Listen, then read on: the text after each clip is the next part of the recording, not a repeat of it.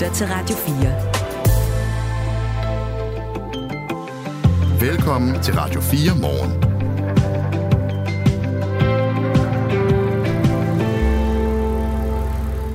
Amerikanske soldater kommer til Danmark. De kommer til at gå rundt i gaderne i forskellige danske byer. Øh, de er blevet inviteret, eller i hvert fald har man lavet en aftale med den danske regering om, at fremover, så skal amerikanske soldater og materiel også kunne komme til Danmark som nogle form, en form for nogle baser.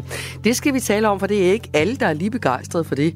Øh, enheds, øh, udenrigsordfører i enhedslisten øh, Trine Patumak er skeptisk over for den her nye aftale. Og hvorfor hun er det, det fortæller hun lige om lidt. Volodymyr Zelensky, Elon Musk og nu også øh, Lars Fruergaard Jørgensen. Mhm. De er alle sammen blevet kåret til årets person af det store britiske finansmedie Financial Times, og Lars Fruergaard Jørgensen blev det altså i går. Han er direktør i Novo Nordisk, og klokken kvart i syv, der taler vi med Henrik Ørholst. Han er erhvervskommentator på TV2, og vi skal nemlig finde ud af, hvem øh, danske Lars Fruergaard Jørgensen rent faktisk er. Vi skal også se, øh, vi skal en tur til Bethlehem. Øh, som man skal i december. Ja, det skal man jo under normalt, under fredelige omstændigheder. Men Bethlehem, som ligger på den besatte vestbred, er jo også påvirket af alt det, der sker inde i Gaza. Og derfor bliver der ikke nogen julefejring, hvis man kan kalde det det. Skal vi høre mere om, hvordan der i grund er i Bethlehem i de her dage op mod jul. Den stemme, du har hørt uh, lige her, den tilhører Mette Vibe Utzon, og jeg hedder Michael Robach, og du lytter til Radio 4 morgen, og klokken den er 6 minutter over 6. Og som altid, så har vi vores postkasse åben. Du kan skrive til os på 1424. Godmorgen. Godmorgen. Det her er Radio 4 morgen. Derfor er jeg og regeringen glad for, at vi i dag kan præsentere en forsvarsaftale netop mellem USA og Danmark, den betyder, at der permanent kan placeres amerikanske soldater øh, og amerikansk materiel på dansk jord, ligesom vi nu kan arbejde endnu tættere sammen med USA om både militære øh, projekter og aktiviteter. Så lød det i går, da statsminister Mette Frederiksen side om side med forsvarsministeren præsenterede et nyt forsvarssamarbejde mellem USA og Danmark.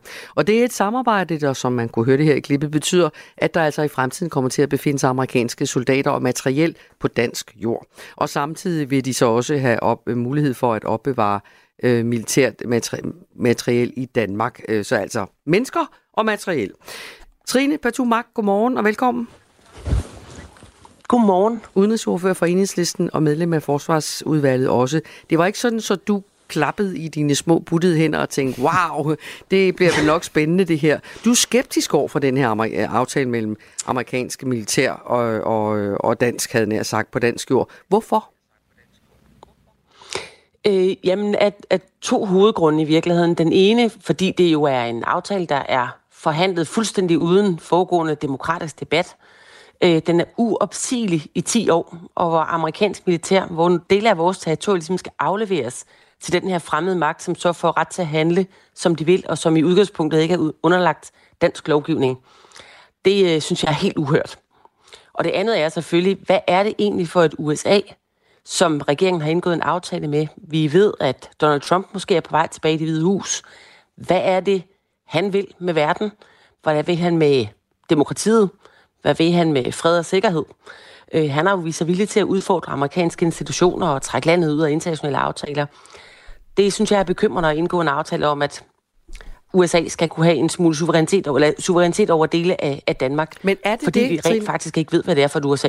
Ja, så det her med Trump, det kan vi måske lige vende tilbage til. Men på hvilken måde er det, du mener, mm. man afgiver suverænitet til USA? Fordi det er jo en nær ven af Danmark, om man vil. Det er jo sådan, vi ofte beskriver vores forhold til USA, ikke?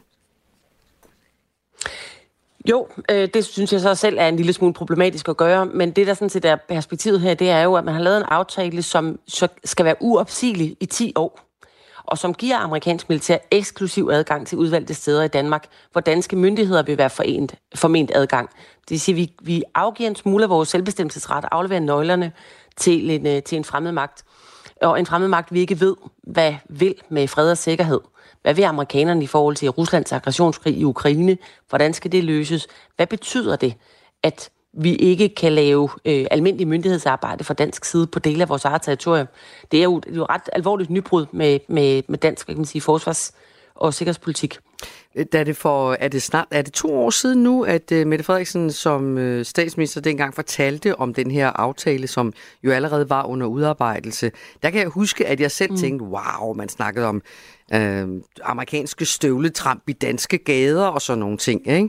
Altså, at der også er nogle følelser involveret jo. i det her med fremmede soldater på dansk jord. Men omvendt kan man jo sige, at den her, øh, den her aftale, USA og Finland har jo lavet en lignende aftale om amerikansk tilstedeværelse i landet.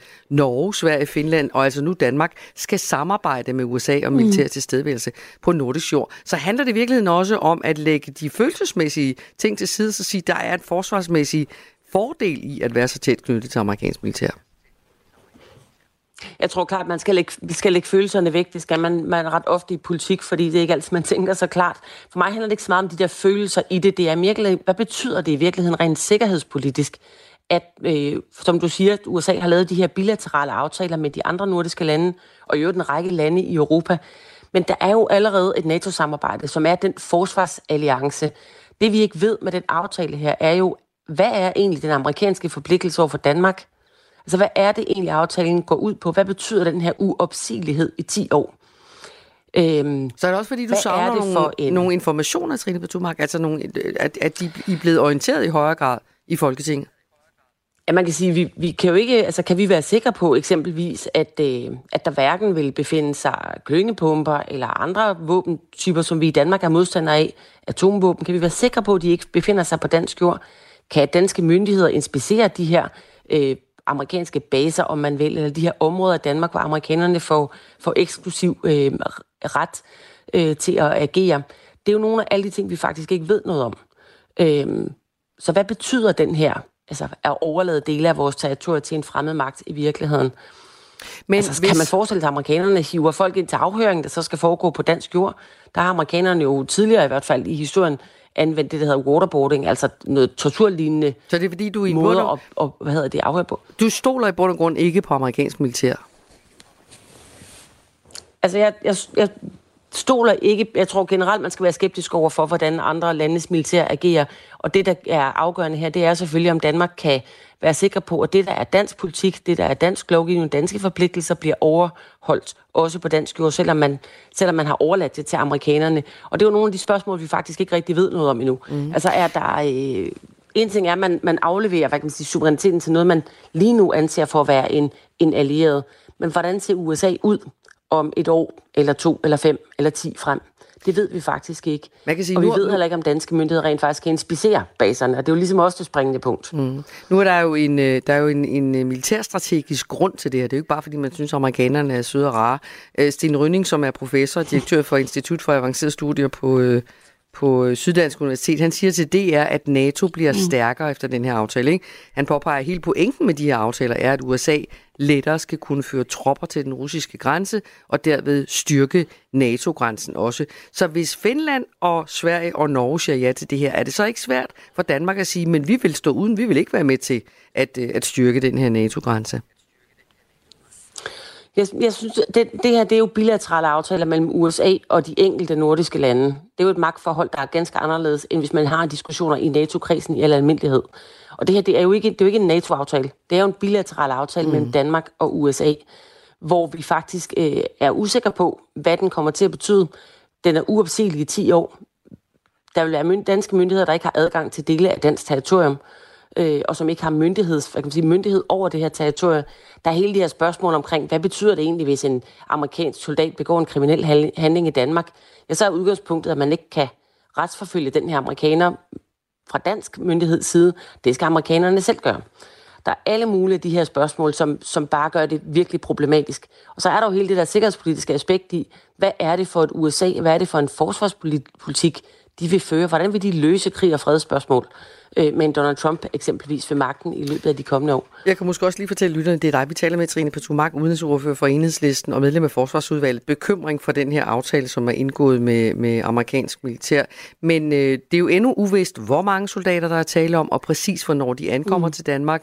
Det vi ved er, at de formentlig bliver udstationeret til de danske flystationer i Aalborg, Karup og Skrydstrup, og også Esbjerg Havn, som jeg forstår det, vil blive på en eller anden måde øh, involveret i, øh, i den her aftale.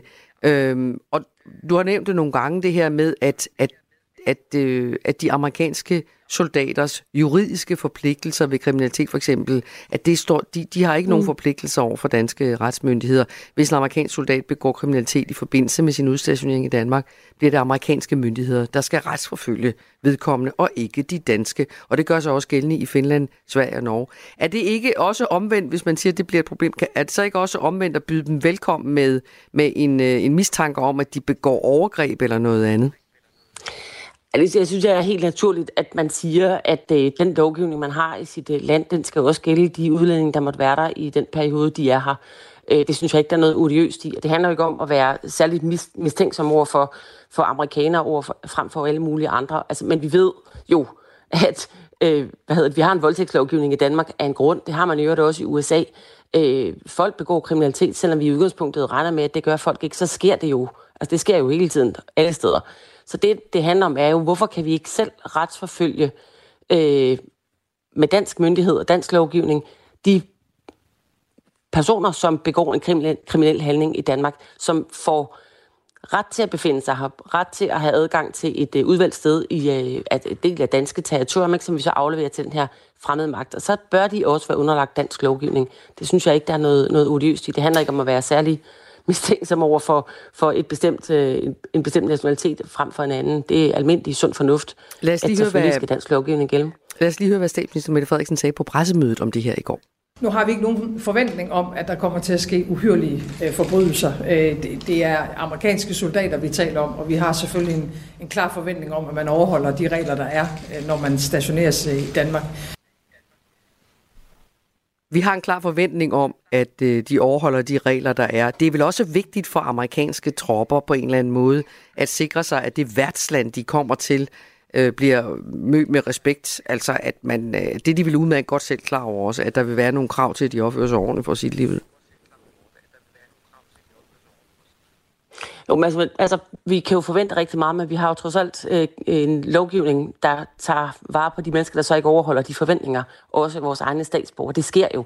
Altså, jeg virkelig synes, at det er meget mærkeligt. Øh, jeg undrer mig lidt over statsministerens sådan affærdelse af, at mennesker, der kommer hertil, kan, øh, også skal være en del af en, en, hvad kan man sige, en forsvarsaftale, at de skulle være øh, friholdt risikoen for, at der bliver begået kriminalitet. Altså, det er jo noget mærkeligt, en mærkelig antagelse at have det, det handler om, er jo at sørge for, at man har lavet noget ordentligt regelværk omkring det, og at selvfølgelig skal danske myndigheder kunne retsforfølge amerikanske soldater, hvis de begår kriminelle handlinger. Det synes jeg er helt uh, grundlæggende godt princip. Så og jeg undrer mig egentlig over, at man skal diskutere, at det ikke skal være sådan. Mm. Så, så, øh, så Trine Patumark, hvad vil, hvad vil du og i enhedslisten holde skarpt øje med frem, frem mod, at de her soldater ankommer, og når de så er ankommet?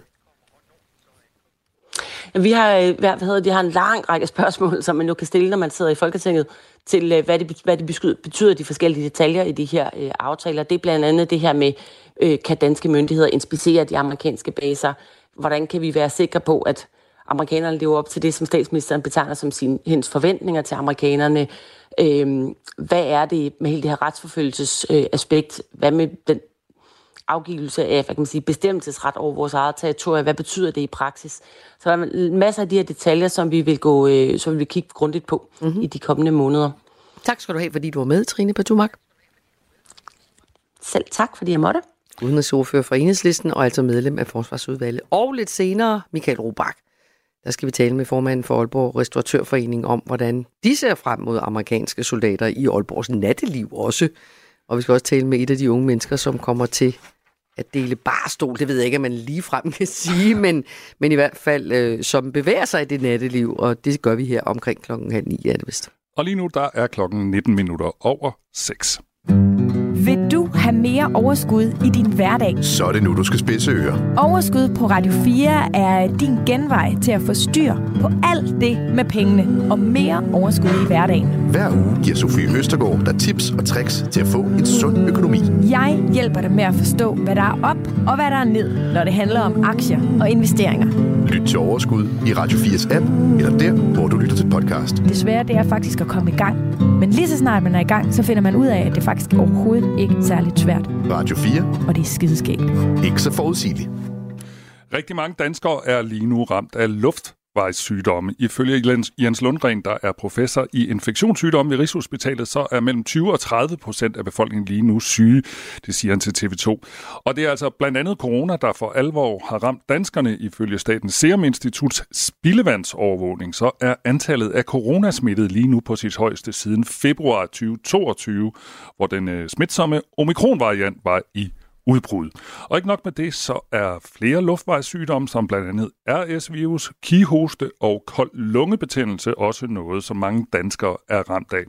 Og det er altså skabt noget af en usædvanlig situation, lyder det fra professor i eksperimentel biologi ved Københavns Universitet, Allan Randrup Thomsen, som vi talte med i går om den her smitteudvikling alle de her luftvejssygdomme, de øh, spredes jo øh, under særligt gode omstændigheder, når vi er mange mennesker samlet indendørs, og, og selvfølgelig også i, i offentlig transport, når man står tæt der, og så videre. Øh, og øh, derfor havde vi forventet, at der ville ske en stigning hen mod vinteren. Men det, der måske er lidt overraskende, det er, at alle fem sygdomme ser ud til at, at toppe uh, mere eller mindre på samme tid. Altså man kan nærmest tale om den perfekte storm, uh, fordi det er ikke noget, som jeg i hvert fald kan huske, vi har set uh, tidligere. Og selvfølgelig er corona en ny kommer på, på uh, listen. Så sagde altså professor Allan Randrup Thomsen.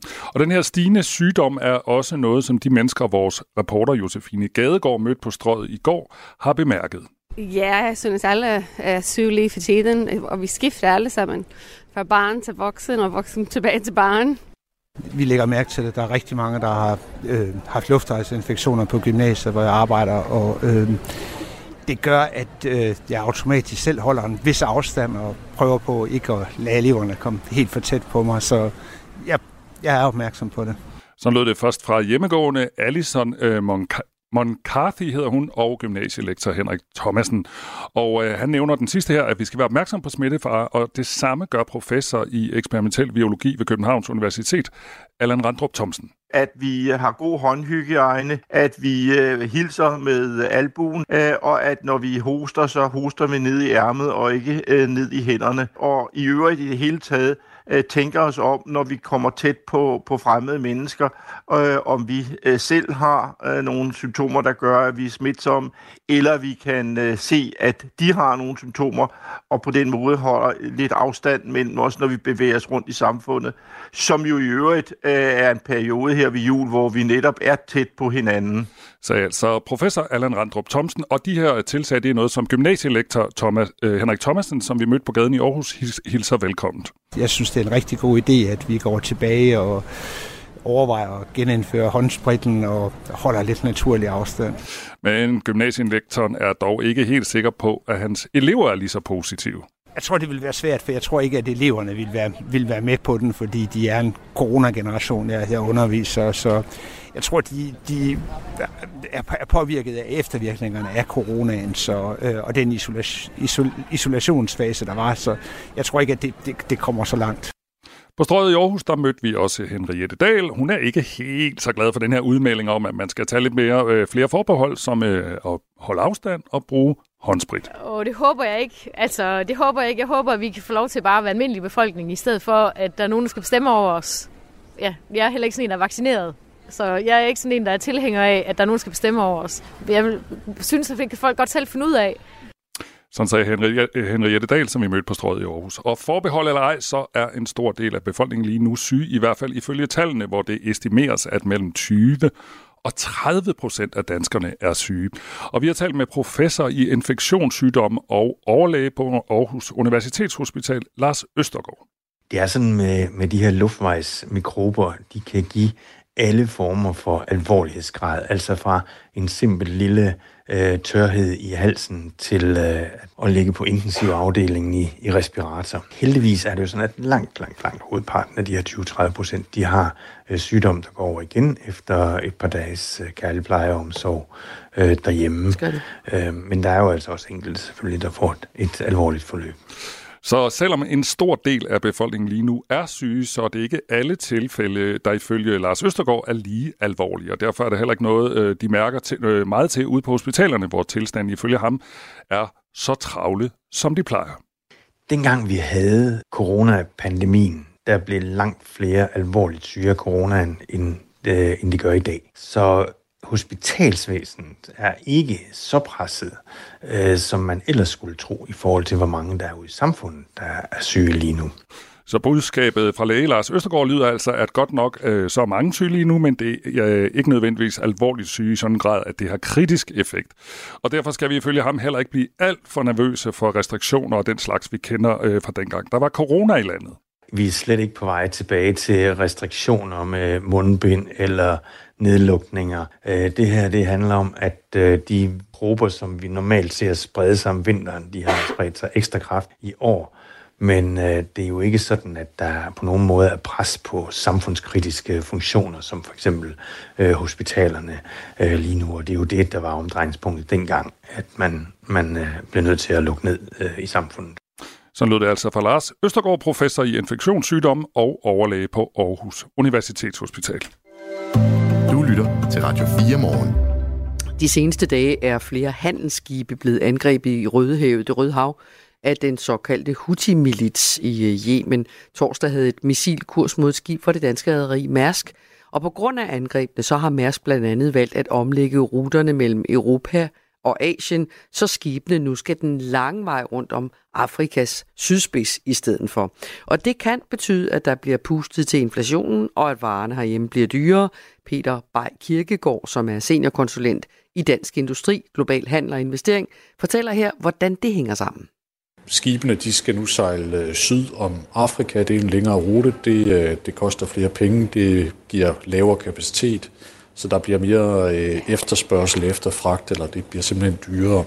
Og det er jo så med til at presse priserne op på de varer, der skal øh, fragtes til Europa. Og samtidig så betyder det jo så også, at der er altså der kommer nogle flaskehalse i de, øh, tilgængeligheden af de her varer. Det vil sige, at der er nogle varer, man ikke rigtig kan få øh, på et tidspunkt måske i Europa, og så presser det også yderligere priserne op. Men Peter Bayer Kirkegaard mener jo nu ikke, at vi som forbrugere skal bekymre om, om de her stigende priser allerede nu, men at vi i fremtiden vil kunne mærke det. Ja, det, det kommer nok til at, øh, at tage noget tid, før forbrugerne de kan mærke det øh, på, øh, øh ude i butikkerne. Øh, altså, fragtraterne er allerede gået op, og de vil blive, øh, forblive høje øh, et stykke tid, øh, hvis ikke det her problem bliver løst.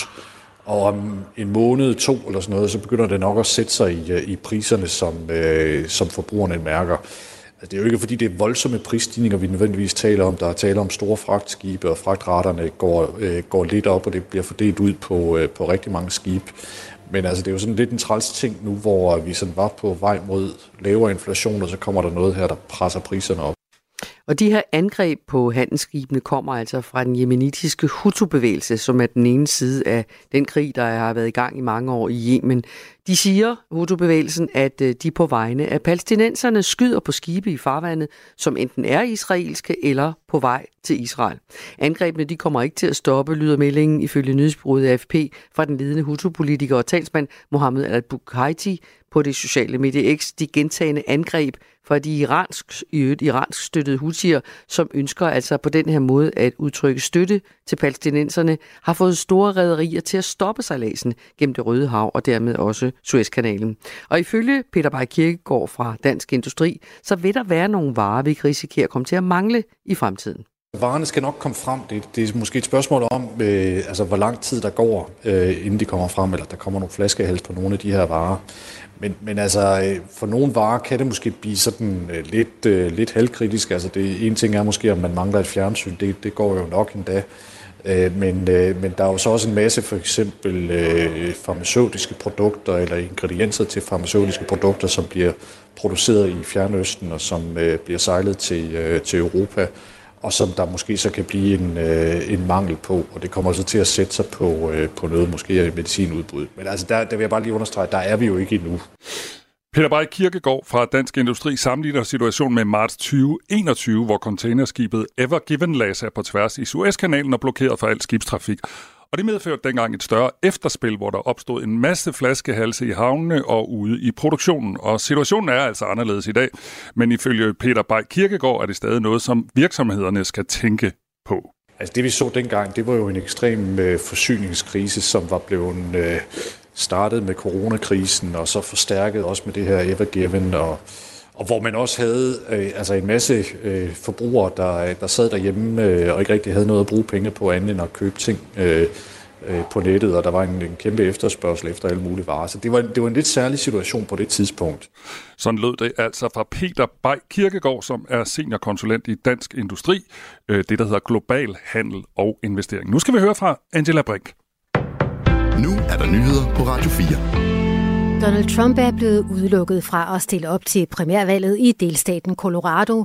Det har Colorados højeste retsinstans afgjort, skriver Reuters. Primærvalget er vigtigt, fordi det er der partiernes præsidentkandidater kæmper om, hvem der bliver stillet op til det endelige præsidentvalg. Colorado udelukker Trump, fordi de mener, at han opfordrede til stormløbet på kongressen, da han tabte sidste præsidentvalg. Trumps kampagne kalder afgørelsen udemokratisk og siger, den vil anke dommen, skriver AFP. Afgørelsen er kun gældende for Colorados primærvalg, som finder sted 5. marts næste år. Der kommer ingen ny stor hjælpepakke fra USA til Ukraine i år. Politikerne i senatet går nemlig på juleferie uden at stemme om støttepakken, det skriver nyhedsbyrået Reuters. Pakken, som er præsident Joe Bidens påfund lyder på ca. 60 milliarder dollar eller knap 400 milliarder kroner i militær og økonomisk støtte til Ukraine. Den ukrainske præsident Volodymyr Zelensky var i USA i sidste uge for at tale sin sag, men det har altså ikke hjulpet.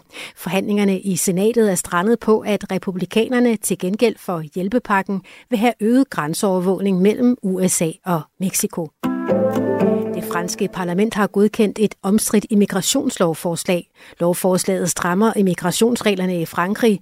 Blandt andet vil det gøre det nemmere at udvise illegale immigranter og reducere velfærdsydelser til udlændinge, det skriver Reuters. Lovforslaget er blevet stemt igennem med et stort flertal. Regeringen opgiver nu en ordning, der via først til mølleprincippet gav private markedsaktører mulighed for at opføre havvindemølleparker. Sara Birk Becker har mere. Åben dørordningen om støttefri havvind er en model, hvor virksomheder kan søge om at få tildelt havarealer uden betaling. Til gengæld skal de selv stå for alle omkostninger til udvikling og opførelse af projektet. Ordningen blev stillet i bero i februar, og siden har man undersøgt, om man kunne ændre ordningen, så den kunne sikre mere havvind inden 2030, og samtidig holde sig inden for rammerne af EU's regler på området. Men det er ikke lykkes, siger klima-, energi- og forsyningsminister Lars Ågård. Og vi har øh, nu tre projekter øh, tilbage, som vi har kigget på, om det var muligt at få realiseret hurtigt øh, i form af en, øh, af en overgangsordning, men det viser, at det kan ikke, øh, det kan ikke lade sig gøre. Og, øh, og da øh, vi ikke kan lave en justeret ordning, så, øh, så stopper vi øh, nu også arbejde. Det har ifølge ministeriet ikke vist sig muligt at justere åben dørordningen inden for rammerne af EU-reguleringen, og derfor lukkes ordningen igen nu. Senere i dag skal Lars Ågård, udenrigsminister Lars Løkke Rasmussen og erhvervsminister Morten Bødskov i åben samråd om netop åben dør-ordningen. FN's Sikkerhedsråd har udskudt, udskudt afstemningen om en resolution, der opfordrer til våbenhvile og humanitær hjælp til de civile i Gaza. Det skriver nyhedsbyrået Reuters. De 15 lande i Sikkerhedsrådet skulle have stemt mandag. Nu bliver det altså først i dag. Reuters skriver, at forsinkelsen skyldes, at man vil undgå, at USA nedlægger veto mod resolutionen. Sikkerhedsrådet har tidligere stemt om en omgående våbenhvile. Begge gange har USA nedlagt veto, blandt andet fordi de mener, at en våbenhvile kun vil gavne Hamas. USA støtter i stedet pauser i kampene for at beskytte civile, en fordømmelse af Hamas' angreb og et krav om løsladelse af alle gisler. Så når vi vejret en del regn eller havlbyer, der bliver færre i løbet af dagen og giver plads til sol, temperaturer mellem 4 og 8 grader, jævn til hård vind fra vest eller nordvest, der aftager i dagens løb. Det er altså stillhed før stormen, men det var nyhederne her på Radio 4 med Angela Brink. Det her er Radio 4 morgen. Husk, at du kan sende os en sms på 1424.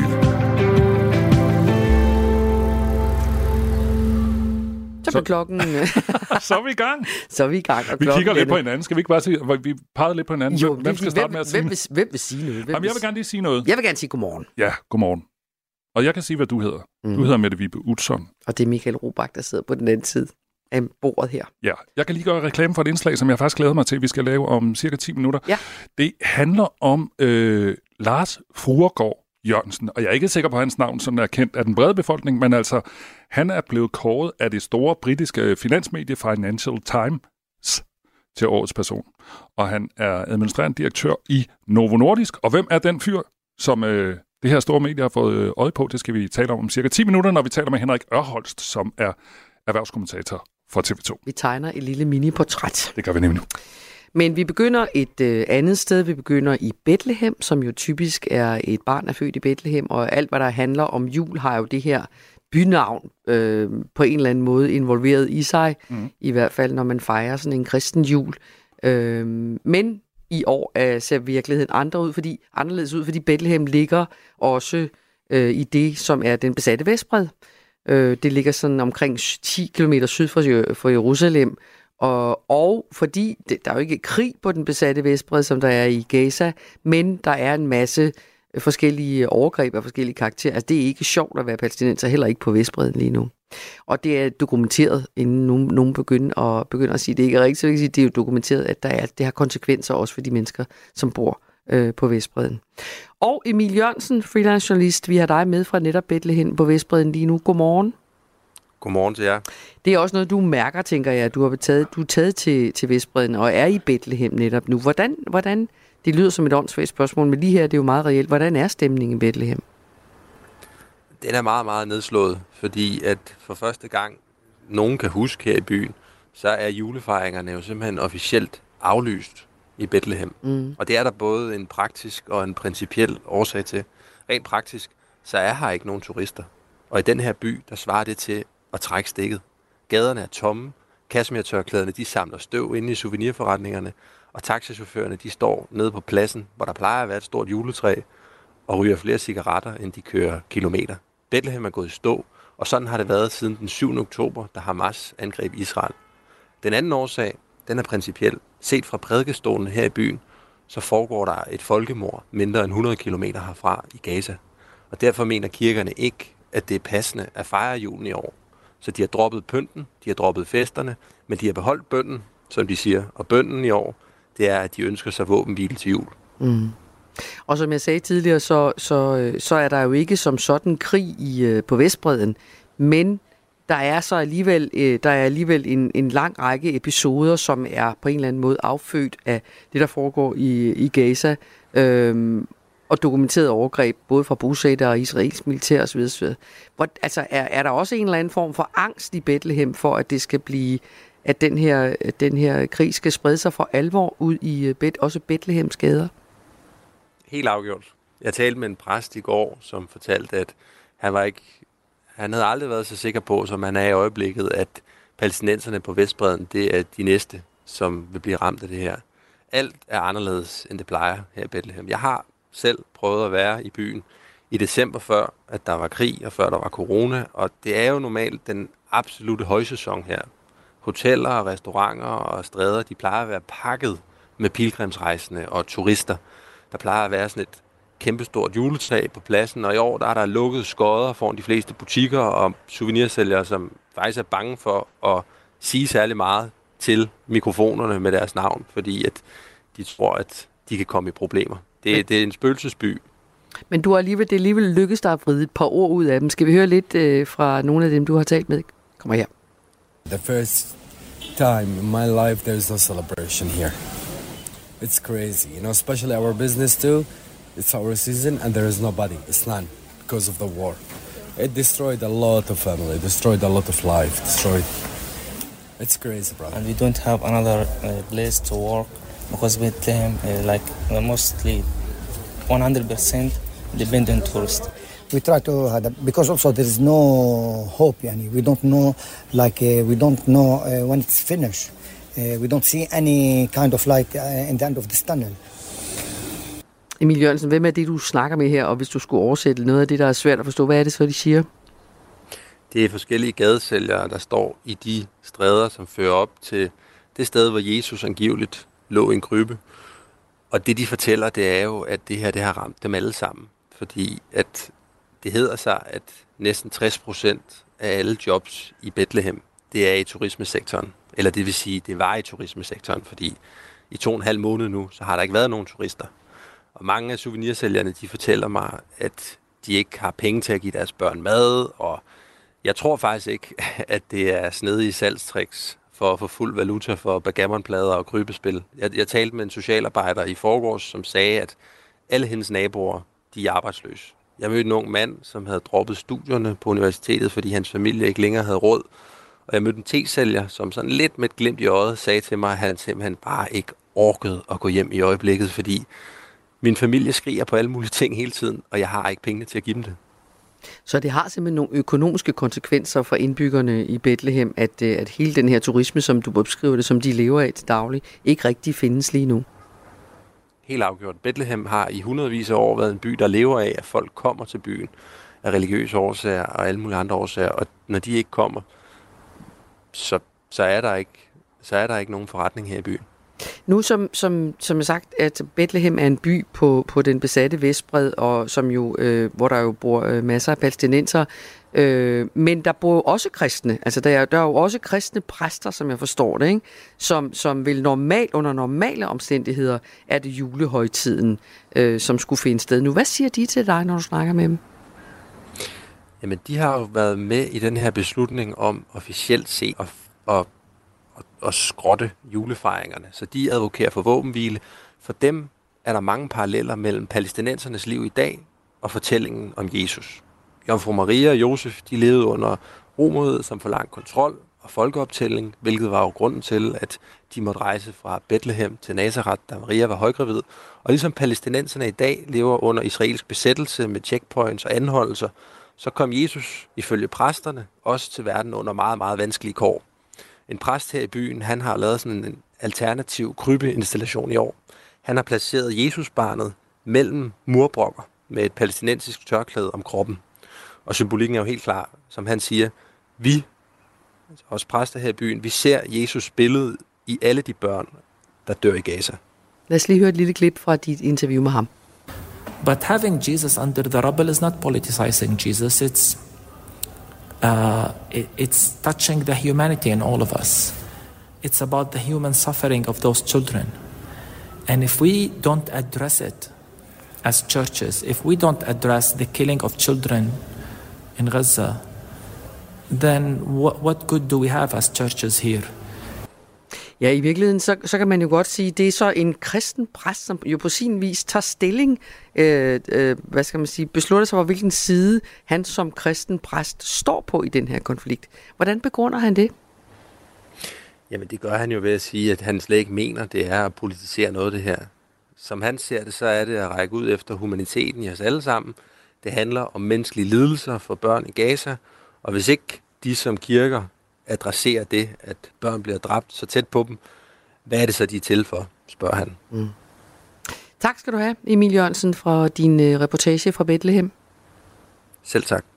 Emil Jørgensen, som altså er freelance journalist og befinder sig i øh, det, der jo normalt er en af de vigtigste byer i hele verden i den her tid, nemlig Bethlehem. Du lytter til Radio 4 morgen. Den her tid på året, så er der en masse kåringer, og nu skal vi til en af de mere opsigtsvækkende, i hvert fald set sådan med danske øjne. For Novo Nordisk administrerende direktør Lars Fruergaard Jørgensen er blevet kåret som årets person, og det er han blevet af det store britiske finansmedie Financial Times. Og det er altså ikke øh, hvem som helst, der tidligere er blevet kåret øh, til årets person. Øh, de seneste vinder har været Ukraines præsident øh, Zelensky og Tesla-direktør Elon Musk. Henrik Ørholst, han er erhvervskommentator for TV2. Godmorgen. Godmorgen. Er du overrasket over, at øh, øh, Lars Fruergaard Jørgensen øh, får den her pris eller den her øh, titel? Nej, det er jeg slet ikke, øh, fordi hvis du ser øh, den udvikling, som Novo har været igennem i 2023, det har været helt fantastisk. Og han er jo været administrerende direktør øh, for virksomheden, så derfor så er det han et meget logisk valg. Og jeg vil også sige, når det er Financial Times, der, der peger på ham, jamen så er vi jo i det der miljø, hvor man peger på det. Altså vi kan også se, at Times, Time Magazine, de kårede en, en tilsvarende person øh, for et par uger siden, så er det et, et helt andet sted, vi, vi fandt vedkommende.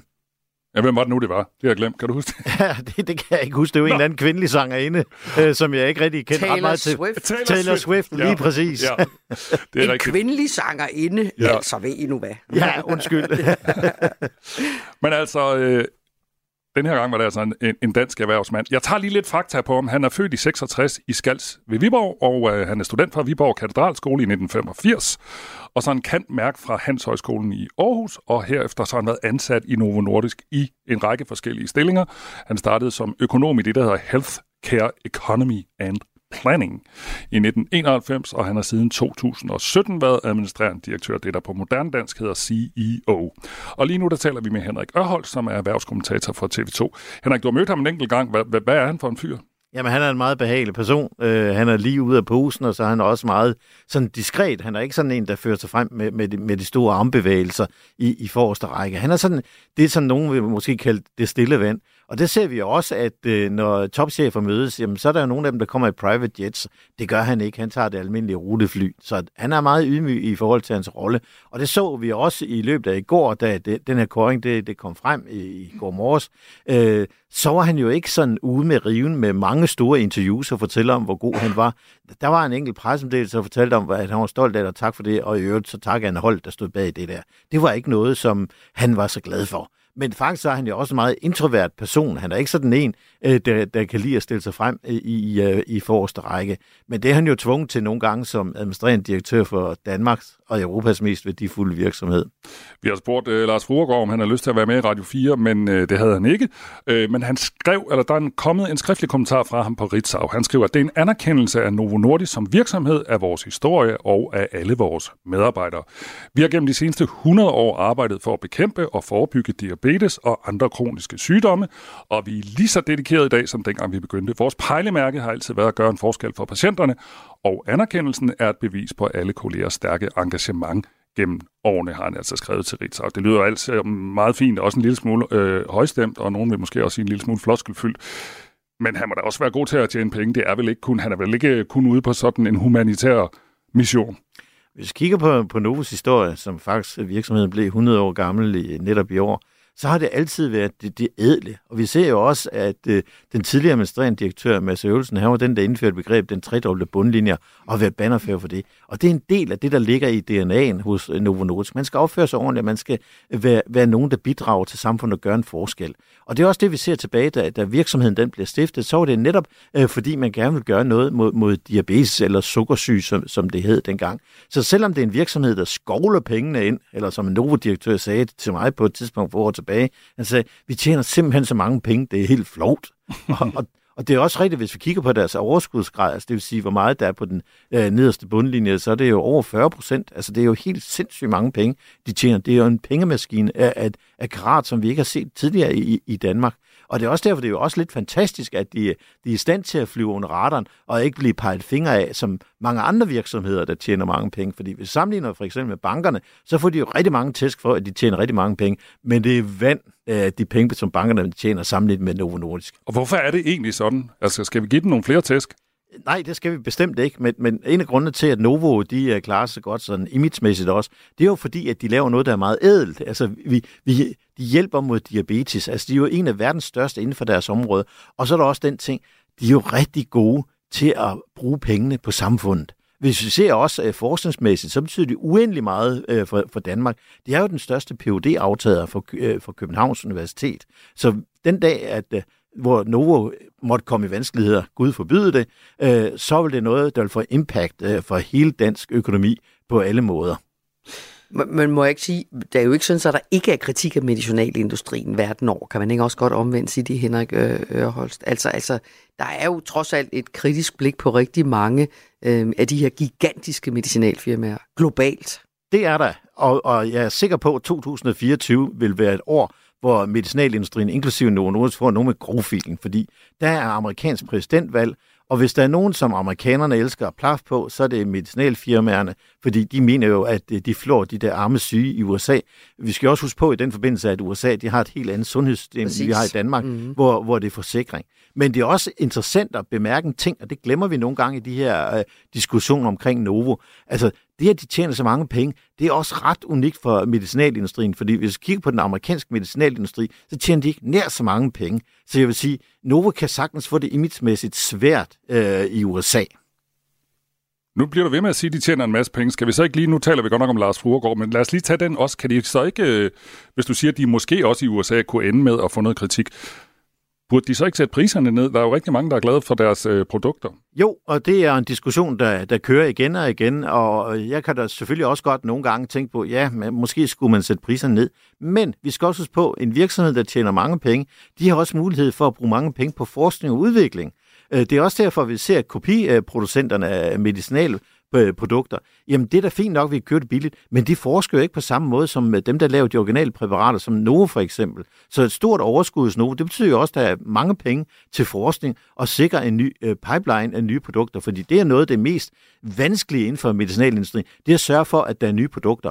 Og det er også derfor, at vi ser, at det, der er jo sket i, i de sidste to år hos Novo med, med Vegovi, øh, med lanceringen af det, det har været helt fantastisk. Øh, fordi hvis jeg kigger på det sådan rigtig sådan, som gamle strategilærer, så er det jo lidt bekymrende, hvis øh, ens produkt eller ens produktportefølje, det er øh, næsten det hele, det er baseret på en eneste ting, diabetes. Fordi tænk nu, hvis man fandt en kur mod diabetes, så ville man jo virkelig have vanskeligheder hos nogen.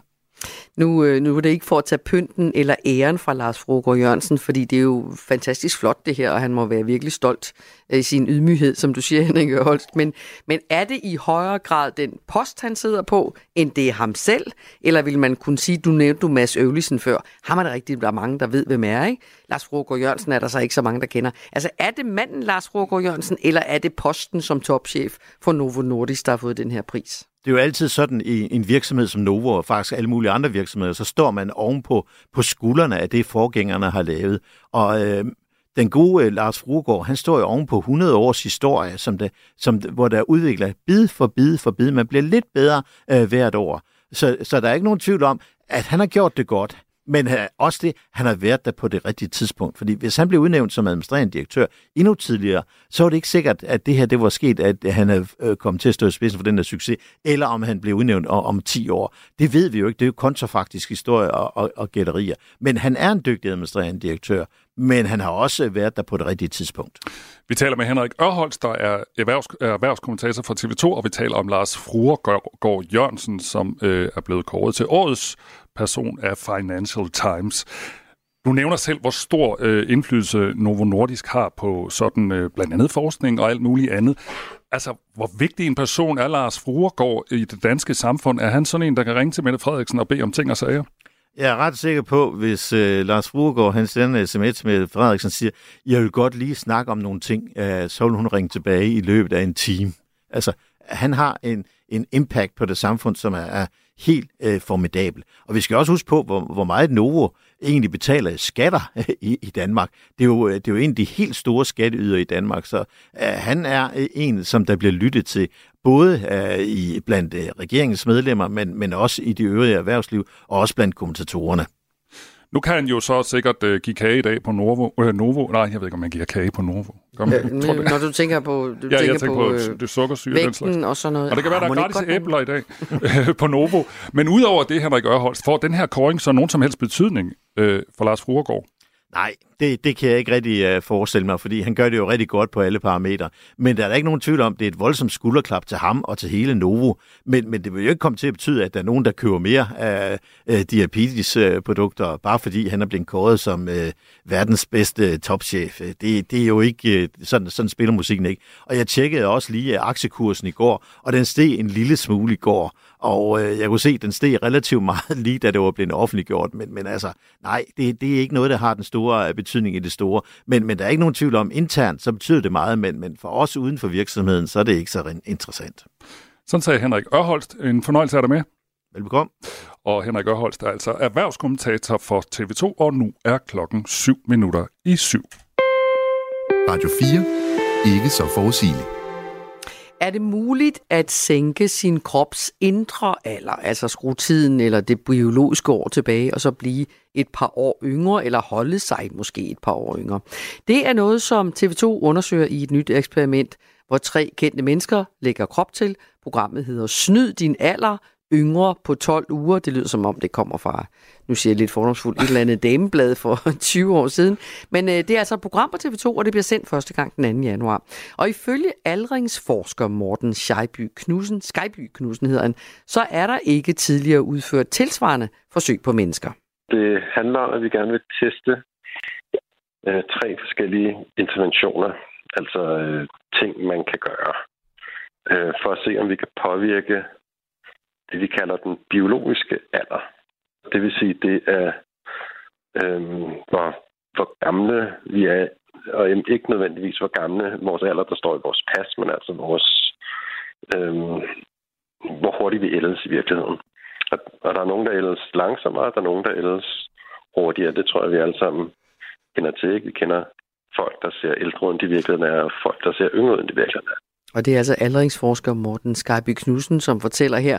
Og programmet, som hedder Snyd din alder, yngre på 12 uger, der følger vi skuespiller Ditte Hansen, tidligere cykelrytter Jesper Skiby og entertaineren Amin Jensen, som deltager i det her store videnskabelige forsøg, der undersøger, om man altså kan sænke kroppens alder. Og for at finde ud af, om det er muligt, så er der særligt tre ting, som de her deltagere skal prøve af. Den ene ting er øh, faste. Altså at, at faste i perioder af døgnet. 16 timers faste per døgn. Ja. Øhm, en anden ting er motion.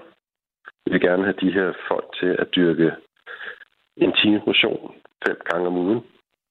Og den sidste ting er en pille, som indeholder noget, der hedder nikotinamid ribosid, som er et slags B3-lignende vitamin, som der har fået meget sådan opmærksomhed i øh, aldringssammenhæng, fordi at, at det øger mængden af noget, der hedder NAD i vores celler. Og med alderen, der taber man NAD. Så tanken var, at man kunne spise den her pille, og så måske modvirke det her tab af NAD. Og hvad er det så for forventninger, øh, man har ud over øh, de, dem, man netop har til den her pille? Så er der det her med fasten, og faste er jo noget, som er rigtig populært for tiden blandt rigtig mange, som prøver det af. Og der kommer hele tiden mere forskning, der viser, at faste faktisk kan påvirke vores aldring, selvom der stadig er meget, vi ikke ved. Faktisk er det sådan, at, at man har vidst i måske omkring 100 år siden øh, starten af 1900-tallet, at øh, antallet af kalorier, mængden af kalorier vi indtager, kan påvirke vores aldringshastighed. Og, og det er fundet, fordi man studerede, hvordan øh, sult hungersnødperioder med lavt kalorieindtag påvirkede øh, børns udvikling, og det var på grund af de her hungersnød øh, tilfælde, der var. Så man kiggede på rotter og gav dem meget lidt mad, og så de blev de ligesom udviklede sig langsommere. Og så var der en, en videnskabsmand, der tænkte, det ser ud som om tiden går langsommere for de her dyr. Og så viste det sig faktisk, at hvis man reducerede deres kalorieindtag med 30 procent, så levede de faktisk 30 procent længere. Og efterfølgende er der så lavet mange forsøg, som har vist, at hvis man påvirker kalorieindtaget hos mange forskellige øh, organismer, lige fra aber til gærceller og til bananfluer, så lever de faktisk længere. Øh, mm. Så det er en af de, de helt... Øh, øh, en af de ting, som man, man faktisk ikke helt er klar over helt præcis, hvordan virker, men som man har set virke i næsten alle de organismer, man har testet det på. Og i det her TV2-program, der måler man altså den biologiske alder, og det gør man selvfølgelig inden og så efter de her forsøg. Og det er en ret omstændig proces, fortæller Morten Skarby Knudsen. Vi bruger sådan kunstig intelligens algoritmer og, øh, og kigger på øhm, forskellige øhm, markører. Vi kigger for eksempel på, på deres ansigt. Så, så faktisk er det sådan, at hvis man ser ældre ud, end man i virkeligheden er, så har man også en tendens til at leve en lille smule kortere. Øhm, mens hvis man ser øh, yngre ud, så har man tendens til at leve en lille smule længere. Så det er en af de ting, vi ser på. Det kan man sige er en, en helt øh, øh, meget grov aldringsmarkør. Så tager vi også blodprøver og kigger på deres blod og ser, hvordan deres øh, biologiske alder er i deres blod. Øhm, og så måler vi også forskellige andre ting i løbet af eksperimentet. Og ifølge aldringsforsker Morten Skarby Knudsen, så handler det her program ikke som sådan om at blive yngre. Det kan man jo altså af god grund ikke. Men det handler i virkeligheden om at leve så længe som muligt, uden at blive syg, siger han. I alle de øh, interventioner, som der er blevet testet på, på mus og på, på alle mulige andre organismer, der i langt de fleste tilfælde, der kan vi se, at, at hvis man sænker aldringshastigheden, så gør man også organismen sundere i længere tid. Og det fortalte altså aldringsforsker Morten Skarby Knudsen, som er en af eksperterne i det her TV2 nye TV2-program Snyd din alder, yngre på 12 uger, og det har altså premiere 2. januar, der hvor vi alle sammen har det, føler os mest øh, elgamle og udslidte og overspiste, og hvad ved jeg, vil jeg sige, Michael? Er det det der januar, du tænker på? Ja, det er det, det Hvor man januar, lover sig tænker selv, på. at nu skal man købe et fitnesskort, og nu skal man være vegetar, og nu skal man faste. Nu og nu skal man spise sundt. Og nu skal man blive 12 uger. Nej, hvad skulle man blive? Ja, man kan ikke blive yngre. Men man kan blive gammel uden at 12 blive syg. yngre. Jeg tror, det er det, der er point. Ja, det er også en god pointe. Ja. Vi nærmer os nyhederne. Når vi er tilbage, så skal vi tale øh, med Peter Ernst Vad Rasmussen, som er vært på frontlinjen her på Radio 4, og også redaktør på Forsvarsmediet Olfi. Og vi skal selvfølgelig tale om den her aftale, der blev offentliggjort i går, hvor der nu øh, bliver mulighed for, eller der kommer amerikanske soldater på dansk jord. Og der er en masse spørgsmål, vi skal have styr på. Dem tager vi efter nyhederne med Peter Ernst Rasmussen, nu klokken 7. Du har lyttet til en podcast fra Radio 4. Find flere episoder i vores app, eller der, hvor du lytter til podcast. Radio 4. Ikke så forudsigeligt.